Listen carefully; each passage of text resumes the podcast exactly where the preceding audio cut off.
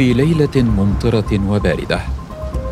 وجد هشام المساوي نفسه وسط مواجهة دامية. فجأة يتوقف إطلاق النار وتنتهي المواجهة بمأساة. وآخر حاجة نذكرها إني شاهدت حتى نفس مقص علي يغمض هشام عينيه. ويستعد للموت.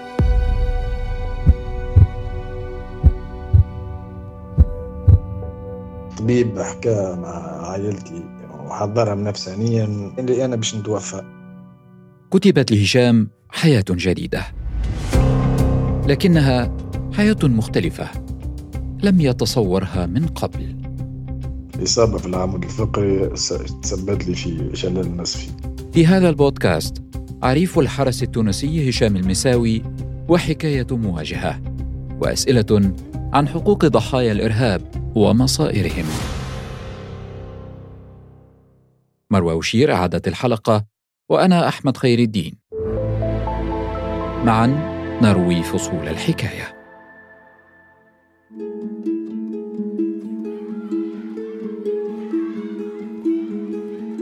كنت نلعب مع جيل أكبر مني برشا. كانوا ديما يختاروني في أي تشكيلة باش نكون مدافع. كنت نتمنى إني نمشي نلعب في الجمعية في الكاسرين ولكن ظروف صعيبة زاد العقلية وقتها ما كانتش ما كانوش يمنوا بال بالكرة يعني باش توصل حتى واحد باش يمارس الموهبة اللي يحبها. هشام المساوي شاب تونسي يبلغ من العمر الآن 35 عاما. منذ صغر استهوته خطوط الدفاع. كانت كرة القدم شغفه الأول وحلم بأن يكون لاعبا محترفا. حلم حبيت نتحققه ولكن للأسف ما وصلتش. برشا حاجات جدد ما كانتش في الوقت هذاك يمكن الكرة كما توا يعني فيها أفاق وفيها حاجات باهية كما توا. قبل بابا كان نقول باش نمشي للكرة حاجة يمكن يرفضها. معركة هشام بدأت منذ طفولته. كان يعيش في البريج منطقة ريفية تابعة لمحافظة القصرين بالوسط الغربي التونسي. كان عليه أن يقطع كيلومترات على قدميه لكي يصل إلى المدرسة. المدرسة ما كانتش قريبة كانت تبعد يعني ثلاثة كيلومتر. كنا نمشوا على قدام في الوقت الفراغ نعاونوا نعاونوا العائلة. في في الفلاحة. يعني من الصغرى تبدأ كأنك متحمل مسؤولية. في وقت مبكر في عمرك تتحمل مسؤولية تقرأ وتخدم وتعاون العائلة وتعمل كل شيء. التحدي سيكون أكبر في المرحلة الثانوية. انتقلت للمعهد الثانوي. المسافة زاد بعدت أكثر ولينا نتنقلوا في الحافلات. مسافة 12 كيلومتر مشي و 12 كيلومتر جاي. خروج بكري مروح مؤخر برشا تعب. ما كناش من الناس المرتاحين باش تتوفر لنا الظروف نتاع النجاح. حالت الظروف دون حصول هشام على شهادة الثانوية العامة. يتوقف عن الدراسة ويلتحق بمركز مهني متخصص بالصناعات الميكانيكية والرقمية. ومن هناك يبدأ السعي وراء حلم جديد. والحمد لله تحصلت على الشهادة وبعد بالشهادة هذيك نجمت ندخل سلك الحرس الوطني. دربت في مدرسة بير مراقبة. ثم تخصصت في الطلاعة واحدة خاصة بالحرس الوطني في وادي الزرقاء خاض هشام تدريبات شاقة. يقول تدربنا في الأودية في الأنهار وعلى الجبال صيفا تحت أشعة الشمس الحارة وشتاء في البرد الشديد وتحت المطر.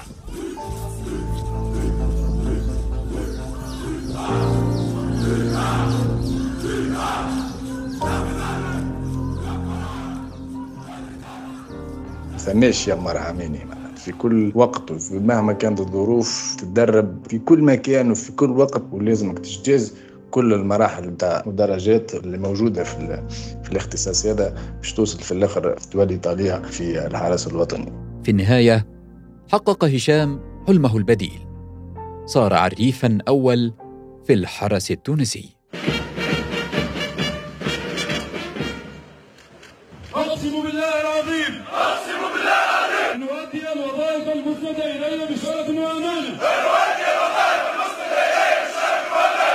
أقسم بالله العظيم أن أؤدي الوظائف المسندة إلي بشرف وأمانة وأن أسهر على احترام القانون والأنظمة العامة وأن أدافع على حرمة الوطن. وأن أدافع على حرمة الوطن لحظة القسم لحظة عظيمة برشا. بدنك فيها شو لحظة فيها برشا برشا نخوة وعزة قوة وفخر لحظة تصدق مع روحك لحظة تصدق مع الوطن. كأنه يخاطب فيك يقول لك في اللحظة هذه أنا كبرتك ومستحقك.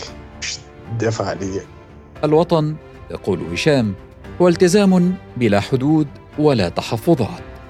بالنسبة لنا الوطن والأرض هو العرض يعني إحنا فلاحة. ما كانش عندنا الوسائل اللي باش تخلينا مثلا أرضنا نخدموها بالوسائل متطورة. كنا نخدموا بيدينا يعني يسيل الدم ساعات من إيدك باش تغرس حاجة. أرضك فيها دمك يعني حتى قبل ما تدخل الحرس الوطني ثم حاجة تغرست فيك.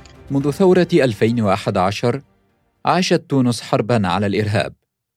في ديسمبر 2012 نفذت جماعات متطرفة تفجيرات بالألغام ونصبت كمائن ودارت معارك في جبل الشعامبي بين الإرهابيين والجيش التونسي.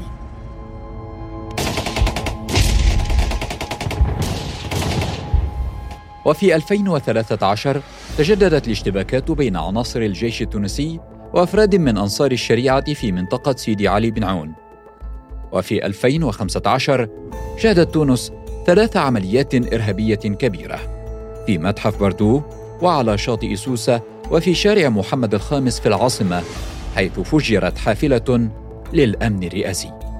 في مارس 2016 استهدف الإرهاب مدينة بنجردان جنوبا على الحدود الليبية.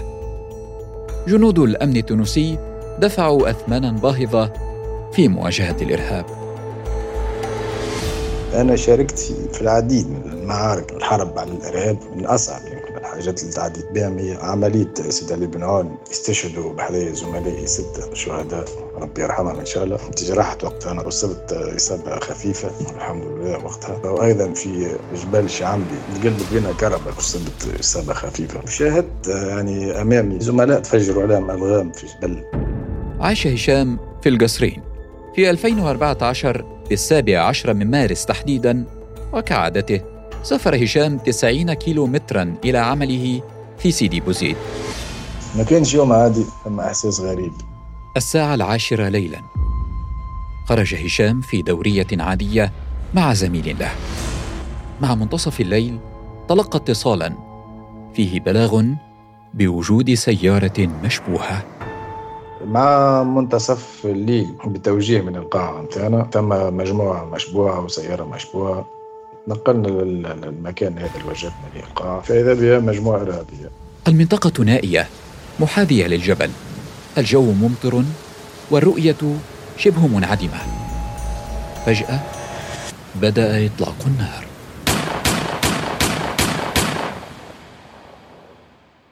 هما كانوا متمركزين أكثر منا خاطر هما يستنوا فينا. وصلت أنا والساق زميلي الدنيا ظلام وليل وشتاء وقتها مطر تصب في الليل. هما اللي بيضربوا بإطلاق النار. إحنا يعني رجعنا لها.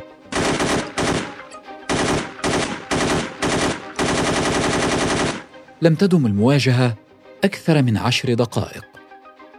يتوقف إطلاق النار ويلوذ الإرهابيون بالفرار. أما هشام أنا اصبت برصاصتين على في الجانب الأيسر. وآخر حاجة نذكرها إني شاهدت في بالي هكا خاطر حتى نفس مقص عليا القصبه نتاع الهواء تنقبت شاهدت آخر حاجة عملتها يعني. انتهت المواجهة بإصابة هشام وزميله. إصابة زميله كانت خفيفة. أما هشام فأصيب برصاصتين. انقطع عنه النفس واستسلم للموت.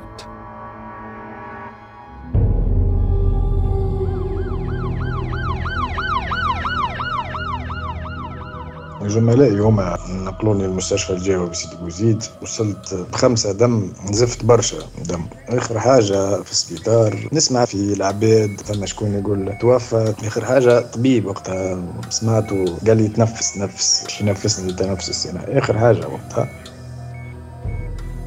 من المستشفى الجهوي بالقصرين نقل هشام إلى قسم الإنعاش في المستشفى العسكري في العاصمة. هناك تفاقمت حالته أكثر.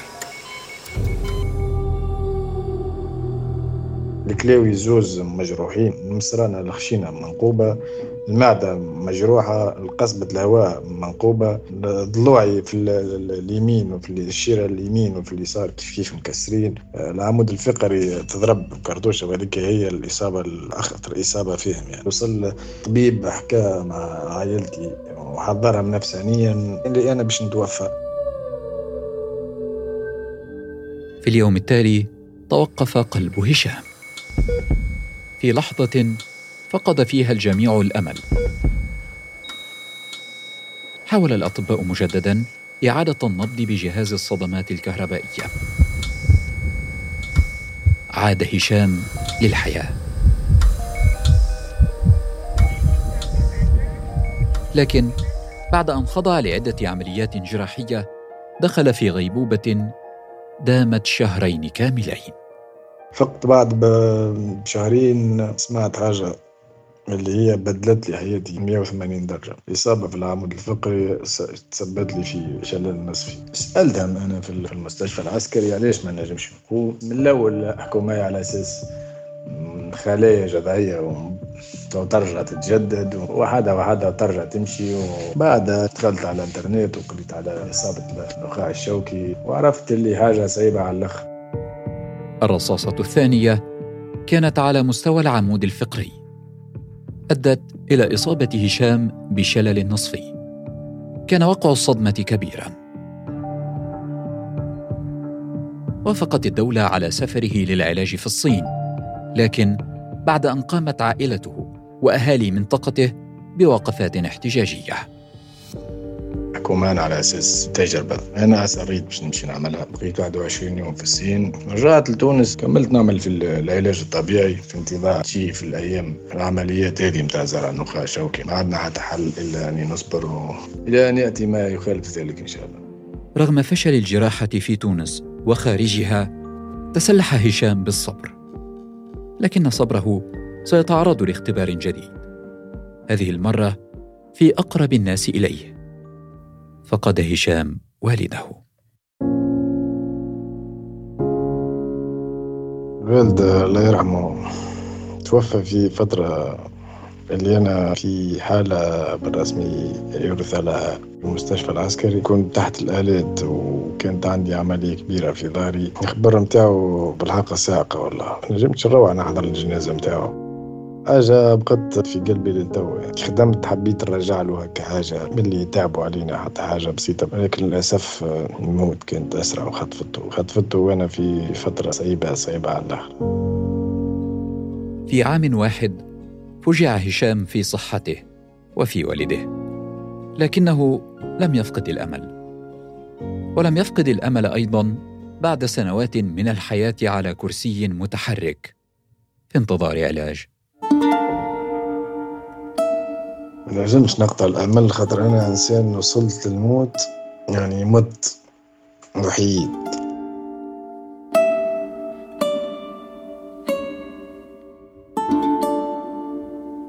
عاد هشام لحياته الطبيعية. باشر عمله كموظف إداري في إدارة الحرس التونسي لكنه لا يزال ينتظر إنصاف الدولة والقانون. إلى حد الآن نزلت ما خديتش حتى شيء. الحادثة نتاعي صنفوناش وحدنا الجرحى الارهاب صنفونا من حوادث الشغل. من خلال نسبة سقوط باش تاخذ منحة جراية عمرية اللي تسمى. وللأسف التعويض اللي يحكوا فيه لما هل ما نجم ما ينجم حتى شيء ولا مال الدنيا؟ باش تعوض الإنسان صحته. يقول هشام إنه لا يزال ينتظر قانونا يحميه ويضمن حقوقه. المنتظرون كثر. منهم عائلات المقاتلين الذين سقطوا في المواجهات. كما يقول الكاتب العام للنقابة التونسية لقوات الأمن الداخلي محمد بلدي. في أول سنوات 2011 2012 2013 ما فماش قوانين تضمن حقوق عائلات الشهداء. كانت فقط المؤسسة الأمنية يعني خاصة التعاونيات من أموال الأمنيين يعني تعاونهم منحة قدرها 20000 دينار تقتل على العائلة يعني ماذا؟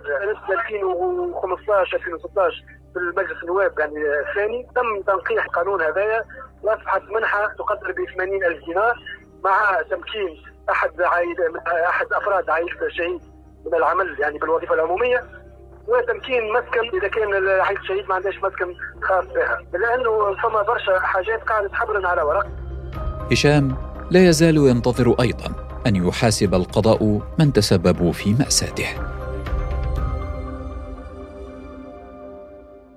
كان كل شيء معطل. قضية يعني من 2014 في المجموعة هذيك ثم ولاد قاسة قضية من وقتها للتو القضية محالة إلى قاضي الطفولة اللي هو توا من وقتها لتوا ساي عمره. قريب 25 سنة توا. يعني لا هما تحاكموا لا رينا أحكام تشفي الغليل في حق في الإرهابيين ولا بالرغم يعني إدارتنا وزارتنا واقفين مع الجرحى ولكن ما ثماش ما عندهمش هما قوانين تخول لهم باش ينظروا للجرحى وعائلات الشهداء بين كبيرة. يشكو هشام من التقصير في محاسبة الإرهابيين. تواصلنا مع أحد ممثلي الجهة القضائية وهو دكتور فريد بن جحا نائب الوكيل لدى محكمة الاستئناف وأستاذ حقوق الإنسان في المعهد الأعلى للقضاء. تحدث عن القوانين التي تحمي الأمنيين. وتحدث أيضا عن أسباب تأخر الفصل في قضايا الإرهاب كما هو الحال في قضية هشام. في تونس وقع إحداث قطب قضائي لمكافحة الإرهاب تم مركزه الاختصاص القضائي لأنه القطب هو الذي آه، يخول له وحده البت في قضايا الإرهاب. كثره القضايا المنشورة من كامل تراب الجمهورية في القطب القضائي الإرهاب وقلة الإطار القضائي ممكن يجعل الزمن القضائي في التعامل مع هذه الملفات يكون آه، بطيئا وهو ما يجب آه، تجاوزه عن طريق دعم الإطار القضائي وتوفير الخبرات اللوجستية التي يستعين بها القضاة من أجل التصدي وسرعة آه، الفصل في القضايا مع ضمان المحاكمة العادلة. في انتظار أن يتطور القانون ويحسم القضاء لا يزال هشام يستحضر بحرقة من تسببوا في مأساته. يقول إنهم شبان تونسيون. سبق وألقي القبض عليهم في عملية سابقة. لكن أطلق سراحهم وعادوا مجددا بقيادة أحد أخطر العناصر الإرهابية التابعة لتنظيم القاعدة في بلاد المغرب. والعقل المدبر للعمليات الإرهابية في تونس بين 2012 و2015 رئيسهم هذا الجزائري لقمان أبو صخر. إحنا بينا يعني آه، في عملية سابقة لقينا عليهم القبض هما زوز ولاد وقتها عمرهم 18 سنة اعترفوا حتى كي لقينا عليهم القبض قبلها بمدة إن هما يدمغوا فيهم وباش يخرجوهم للجبل للأسف تم إطلاق صراحة اللي يرجعوا بعد اللي هما في الليلة ذيك هما مع الجزائري هذا لقمان أبو صخر.